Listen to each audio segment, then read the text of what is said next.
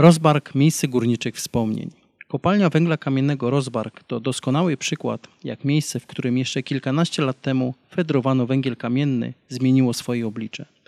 Dawne obiekty, które były sercem kopalni, dzisiaj tętnią życiem kulturalnym, a już wkrótce swoje umiejętności będą mogli tutaj szlifować miłośnicy wspinaczki i sportów siłowych. W dawnej kopalnianej cechowni z powodzeniem działa teatr tańca i ruchu Rozbark, a w pozostałych, zachowanych do dziś obiektach powstaje jedno z najnowocześniejszych w Europie Centrum Sportów Spinaczkowych i Siłowych. O historii tego wyjątkowego w dziejach Bytomia miejsca opowiadają byli pracownicy KWK Rozbark. Jan Łoś, emerytowany sztygar oddziału wydobywczego kopalni Rozbark, Franciszek Zastawnik, emerytowany sztygard oddziału elektrycznego kopalni Rozbark oraz Stanisław Strojek, ostatni dyrektor kopalni węgla kamiennego Rozbark. KWK Rozbark należała do jednej z najstarszych kopalni w Bytomiu. Jakie wspomnienia mają panowie z czasów, kiedy w niej pracowali? I czy było to tylko miejsce waszej pracy, czy coś więcej?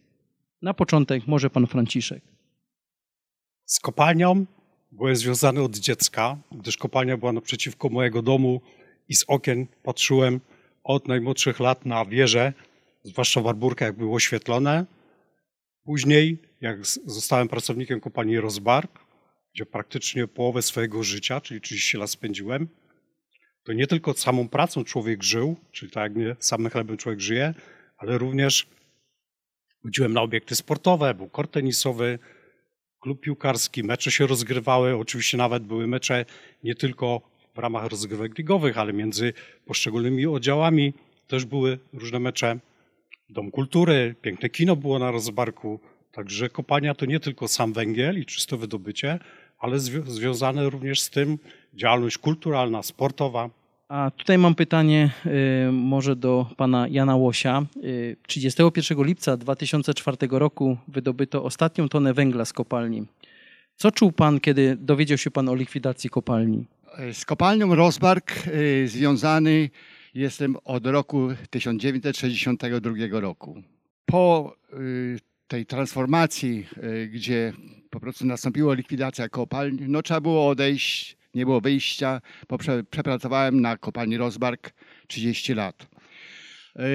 Likwidacja kopalni Rozbark dla nas była szokiem. Dla nas, nie tylko dla mnie, ale dla wszystkich. Nie mogliśmy, nie mogliśmy się z tym po, pogodzić. A tym bardziej, że po tej zakończeniu lik, faktycznej likwidacji kopalni y, zaczęły się bardzo złe rzeczy dziać, ponieważ złomiarze, y, no taki był okres bezchołowia takiego, no, robili, rabowali tam y, na tym i groziło to po prostu no, zniszczeniem tych obiektów. Na całe szczęście wiele obiektów było zarejestrowanych jako obiekty zabytkowe w gestii Wojewódzkiego Konserwatora Zabytków, między innymi ten mur oporowy, cechownia i inne obiekty. E, W związku z tym, jak widzieliśmy, co, co się dzieje, no, monitorowaliśmy to Wojewódzkiego Konserwatora Zabytków y, z prośbą o interwencję i to jakąś tam cegiełkę włożyliśmy do tego, że zostało to uratowane. Na tym. Podobna sprawa była z klubem sportowym, bo tak jak Franek mówił, kopalnia to nie tylko były wydobycia węgla, ale i ta działalność kulturalna, sportowa i groziło też likwidacji kopalni Rozbark. Na miejsce obiektu tego sportowego miały być tam wybudowane y, budynki mieszkalne.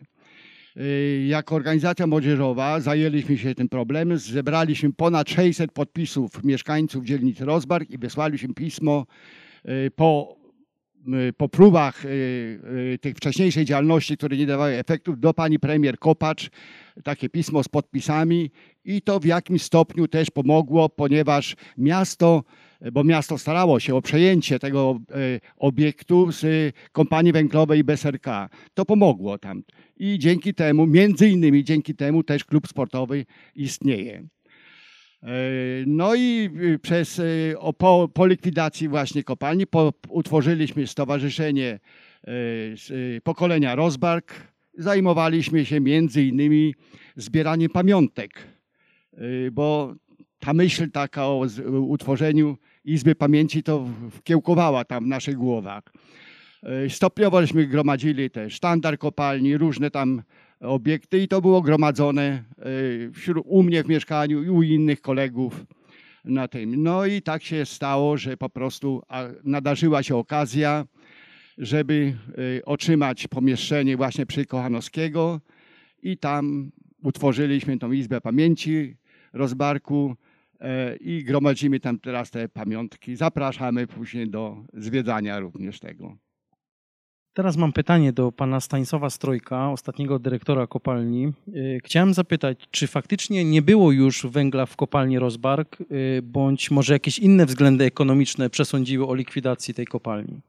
O likwidacji kopalni no, głównie, głównie przesądziły względy ekonomiczne. Yy, W roku 2004 na, na okres zamykania kopalni na, na rozbarku gdzieś zostało około 6 milionów zasobów węgla. Z tym, że no, trudno przy tych zasobach i, i, i takich powiedzmy resztkowych, resztkowych zasobach było utrzymać powiedzmy no, załogę, ponieważ no, y, utrzymywanie całej infrastruktury, szybów, szybów peryferyjnych, no, po prostu ekonomicznie było to nieopłacalne. W związku z tym padła decyzja o, o likwidacji samej kopalni. Natomiast y, jakby złoże y, wydzielono część złoża, które było łatwiej dostępne z ówczesnej kopalni Andaluzja. Zostały wykonane przekopy, połączona, połączona to złoże udostępnione z, z kierunku kopalni y, Andaluzja. No i Andaluzja chyba przez 4 czy przez 5 lat y, eksploatowała z różnym skutkiem. O ile wiem, wydobyto chyba około 1,5 miliona mm, ton węgla. No niestety podobny los właściwie jak, jak rozbarku spotkał pozostałe, jak wiemy, kopalnie bytomskie. Oczywiście trafiło to na rozbach, może głównie dlatego, że byliśmy tu jedną z najstarszych kopalń w Bytomiu, w związku z tym te, te blisko dwustuletnią, w związku z tym no, najszybciej zostały szczerpane, zczerpane te złoża.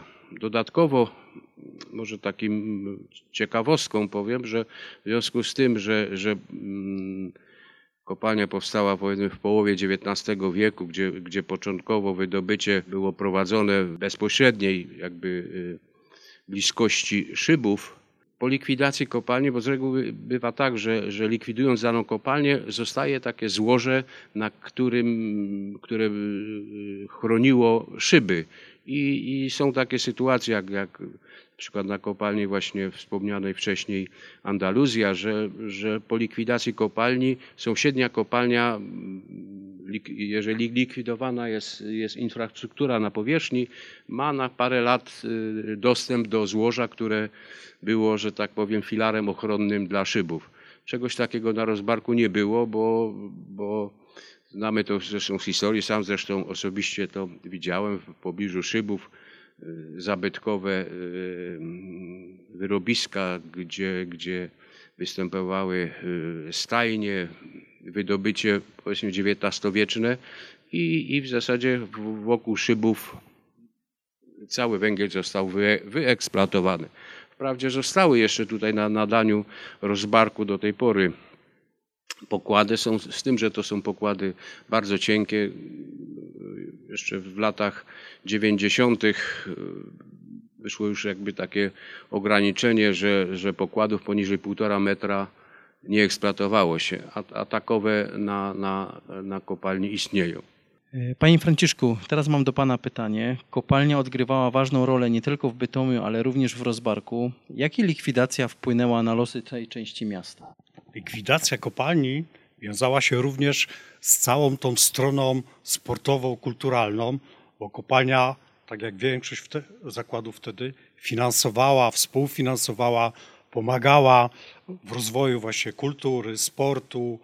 Czas wolny po pracy zajmował się tym, bo wraz z upadkiem kopalni to ten nasz biedny klub GKS Rozbark no bardzo podupadł, czy boisko, czy basen, na który jako dziecko chodziłem, tam było właśnie coś takiego, że jeżeli, pamiętam jak byłem mały w dzieciństwie, jak się poszło z rodzicem i się powiedziało, że się tam ma jakieś związki z kopalnią, to nie płaciło się biletu. Ja tam chodziłem na kąpielisko i tam taka zjeżdżalnia, kilka tych basenów było. Tam przy okazji ktoś występował, pamiętam jakieś festyny były, czy w tym parku Mickiewicza, który był obok, to tam Jachanka Bielicka była, tam była taka estrada, tam gdzie w tej chwili jest takie oczko wodne, to tam praktycznie każdy weekend, czy orkiestra kopalniana grała i to wszystko się wiązało właśnie z funduszami dawanymi przez kopalnię. Czy myśmy w szkole podstawowej, bo ja chodziłem tutaj do 42, wszystkie wycieczki to myśmy dostawali autokary z kopalni i kopalnia na tam współfinansowała, bo myśmy tam, ja nie wiem, bo już nie pamiętam, czyśmy płacili, czy to jakieś było symboliczne, ale to wszystko, wszystko tym się zajmowała kopalnia.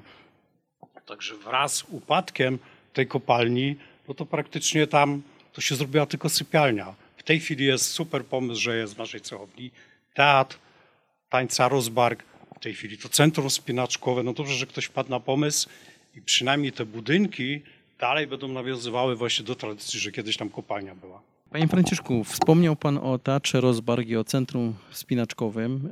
E, To mam do Pana jeszcze to jedno pytanie. Jakie znaczenie ma dla Pana fakt, że e, w Pana dawnym miejscu pracy będzie nadal tętniło życie?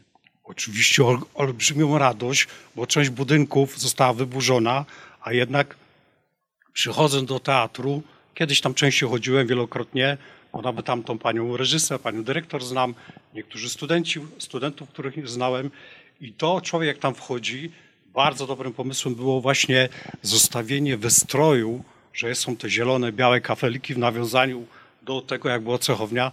No, a poza tym kiedyś cechownia to było takie serce kopalni, bo tam żeśmy się spotykali, tam był ten nasz ołtarz ze świętą Barbarą, tam dostawaliśmy medale, no bo wtedy taki okres był. No a dzisiaj ta kotłownia, która tyle lat stała i straszyła, w tej chwili będzie centrum spinaczkowym, to w zasadzie będzie takie centrum kulturalno-sportowe dla Bytomia. Wspominał też Pan, e, Panie Janku, e, że poza zachowaniem części obiektów pokopalnianych ważne też jest podtrzymywanie pamięci i tradycji kopalni. E, Temu ma służyć powołane przez e, Państwa Stowarzyszenie Miłośników Rozbarku. Proszę przybliżyć nam ideę tego przedsięwzięcia. E, No ta idea to drzemała to przez 10 ponad lat. Y, Ja wycierałem klamki u wielu prezydentów tam, no ale to, co nam oferowano, y, po prostu te pomieszczenia, no to nie nadawało się po prostu, bo trzeba było zainwestować, żeby wykonać remont tam 40-50 tysięcy złotych. No nada, nadarzyła się sytuacja taka, że była y, zlikwidowane to, ta ochronka, którą pani Rokosz tam prowadziła. Stał to obiekt pusty. Spotkałem się z prezydentem Wołoszem. On był, y, temat tam znał, bo też wcześniej po prostu próbowaliśmy y, uzyskać po- pomocy. No i, i była sytuacja taka, że o ten obiekt zaczęło się tam niektórzy, y, inne organizacje się ubiegać, między innymi Stowarzyszenie Inżynierów i Techników Górnictwa. Mm, Jako Stowarzyszenie Pokolenia Rozbark organizowaliśmy takie spotkania y, z, z okazji kolejnych rocznic zamknięcia ko- y, kopalni Rozbark, czyli ostatniej ton, y, tony wydobycia węgla. Na, jednym, na ostatnim takim, tym, na jednym z tych spotkań padło właśnie takie hasło, że utworzyć po prostu stowarzyszenie, takie, żebyśmy się mogli spotykać. No i to, to i tak to się zaczęło. E, Panie Janie, e, wspominał Pan tutaj o stowarzyszeniu. Siedziba jest w Rozbarku przy ulicy Kochanowskiego 27, a ja chciałem zapytać, jak Państwu się udało zachować e, tyle pamiątek i skąd te pamiątki Państwo otrzymywaliście? Wspominał Pan o tym, że część Pan miał w swoim domu, ale jak to wyglądało, kiedy Państwo je zbierali? No, tak jak mówiłem, że duża część tych pamiątek to u, u mnie i u kolegów y, była przechowywana, ale z chwilą, kiedy y, stowarzyszenie zostało utworzone i kiedy tą Izbę Pamięci y, otworzyliśmy, jeszcze nieoficjalnie tak, bo z wiadomych przyczyn po prostu nie możemy takich uroczystych tam spotkań organizować po prostu y, wiele ludzi się zainteresowało i przynoszą pamiątki, które w piwnicach gdzieś były mm, pogromadzone. Między innymi pewnego pięknego dnia jedna z pań dzwoni, której ojciec pracował na kopalni, czy może się spotkać, bo ona tam ma w piwnicy dużo pamiątek i przywiozła ponad 30 y, sztuk takich różnego rodzaju y, kufli i takich pamiątek. Także ludzie przynoszą i gromadzimy to. I gromadzimy. W zasadzie to mogę po- powiedzieć, że praktycznie już jest y, uzupełnione eksponatami. Panie Franciszku, do Pana mam też jeszcze e, pytanie, bo e, stowarzyszenie prowadzi e, na, ma fanpage na Facebooku, gdzie publikowane są archiwalne zdjęcia. E, Cieszy się to dużym zainteresowaniem, a jak to jest wśród młodych e, bytomian, wśród młodych rozbarczan? Czy oni chcą też pielęgnować tą tradycję e, po kopalni Rozbar? Trudno tak jednoznacznie powiedzieć, bo oczywiście dzisiaj bez tego popularnego portalu społecznościowego to praktycznie z informacją dotrzeć do młodych to jest prawie niemożliwe. Dlatego mamy tam swoją stronę, bo to jest najprościej ten prowadzić, najprościej w każdej chwili z telefonu czy smartfonu można sobie tam zajrzeć i właśnie wklejając te różne takie stare zdjęcia czy historyczne filmy, niekoniecznie zawsze to są nasze filmy, ale które mówią o tradycji, o historii, chcemy w ten sposób tych, młodzi, tych młodych troszkę do nas przyciągnąć. No w tej chwili przez pandemię to nie mamy możliwości kontaktowania się z tą młodzieżą, bo byśmy ich zaprosili, popowiadali coś. Kiedyś parę razy chodziłem do Arkiboszka do szkoły i tam im opowiadałem, to, to ich młodzież to ciekawiło, bo dla nich to już jest w sumie tak jak dla nas skansen albo jakieś takie odległe czasy, a jak ktoś żywy przyjdzie, tak, koledzy przyszli w mundurach, czasami pokazujemy tam jakieś urządzenia nasze górnicze, to wtedy tych młodych, bo jednak dzisiaj to pokolenie jest obrazkowe. Oni muszą coś zobaczyć, coś dotknąć, a najlepiej jak sobie na YouTube czy gdzieś tam wskoczą i w każdej chwili mogą sobie zajrzeć, czy do historii, czy jakieś zdjęcia tam pooglądać. No i my się staramy takim językiem tych młodych ich przyciągnąć, coś im powiedzieć o tym. No, przez pandemię niestety to wszystko jest, mamy ograniczone, ale nie, czasami nawet z Niemiec piszą, z różnych takich dziwnych krajów, albo nawet tak łamaną polszczyzną, że dziękują, że się te dzielnice rozwarg przypomina, te stare domy, te familoki. Niektórzy są zdziwieni, że to jeszcze w ogóle wszystko stoi, że ktoś to przechowywał, że tam można sobie po iluś latach jeszcze sobie tam pooglądać. No i tak to w tej chwili wygląda. Mam jeszcze pytanie do pana y, Stanisława. Chciałem zapytać, jako mieszkaniec innego miasta, jak pan patrzy na to, y, że w byłych obiektach kopalni Rozbark y, powstał teatr, a teraz powstaje Centrum Sportów Spinaczkowych i Siłowych. Co pan czuje, że mm, tak jak tutaj koledzy mówili, że cieszą się, że te obiekty y, wciąż będą y, żyły y, swoim tutaj życiem, ale troszkę innym. Jak pan ocenia tutaj z perspektywy człowieka, który kierował kiedyś tak wielkim zakładem pracy w naszym mieście? No, bardzo cieszę się, że, że te obiekty y, tak zostały zagospodarowane. Trzeba przyznać, że obiekty y, pokopalniane są takie specyficzne i bardzo trudne do adaptacji, bo na przykład no, trudno z zakładu przeróbczego y, wielkiej konstrukcji stalowej cokolwiek zrobić. Utrzymywanie szybów też jest takie problematyczne ze względu na powiedzmy przepisy i, i zagrożenia i, i, i wymogi, jakie by musiały być, y, żeby trzymać, że tak powiem, wieżę szybową, którą należało konserwować i tak dalej.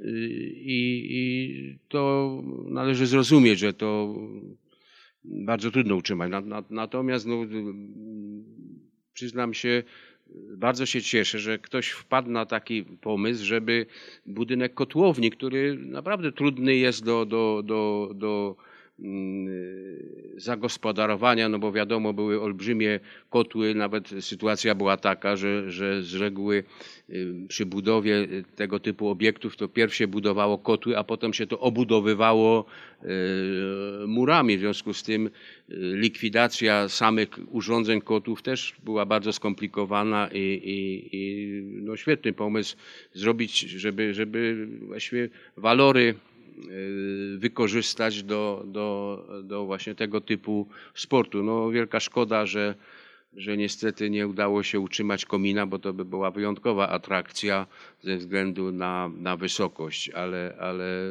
no, jestem naprawdę, bardzo się cieszę, że, że, że te obiekty zostały mm, utrzymane, zwłaszcza na ich piękno, bo, bo Może sam budynek y, kotłowni to był typowo budynek przemysłowy, ale na przykład taką perełką to jest nasza e, cechownia, która zresztą występowała i w filmach, y, jest jakimś takim bardzo specyficznym, zresztą mm, ciekawym, ciekawym e, rodzajem budynku, bo, bo że tak powiem, cechownie bywały na każdej kopalni i, i one były w różnym okresach budowane, różnie wyglądały, ale nasza cechownia roz, rozbarkowska no, jest piękna.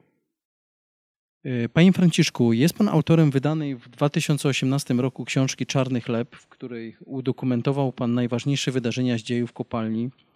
Jak to się stało, że e, zdecydował się Pan napisać książkę właśnie o kopalni i użył Pan tam wielu wspaniałych zdjęć i materiałów archiwalnych, no, które pokazują, jak kiedyś tętniło życie y, w tym zakładzie pracy. Zbierając przez ponad 20 lat zdjęcia od kolegów, sam też robiłem na dole, chociaż nie wolno było. Cały ten materiał leżał ileś tam lat i później z inspiracji szefa, właściciela Muzeum Chleba Bytomiu, pana Piotra Mankiewicza, on właśnie ten chciał w tej swojej książce o rozbarku zrobić taki dział poświęcony tylko naszej kopalni, ale tego materiału było tak dużo, że w końcu wyszła taka osobna książka z tego.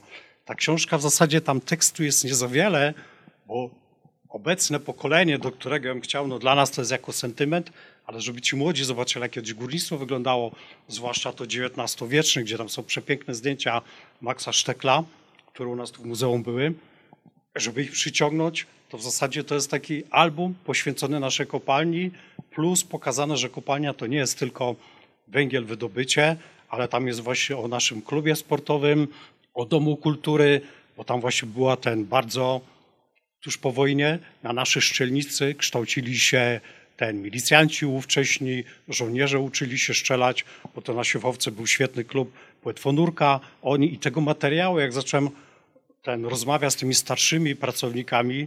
Notabene najwięcej mi pomógł ten lwowianin, pan Denejka.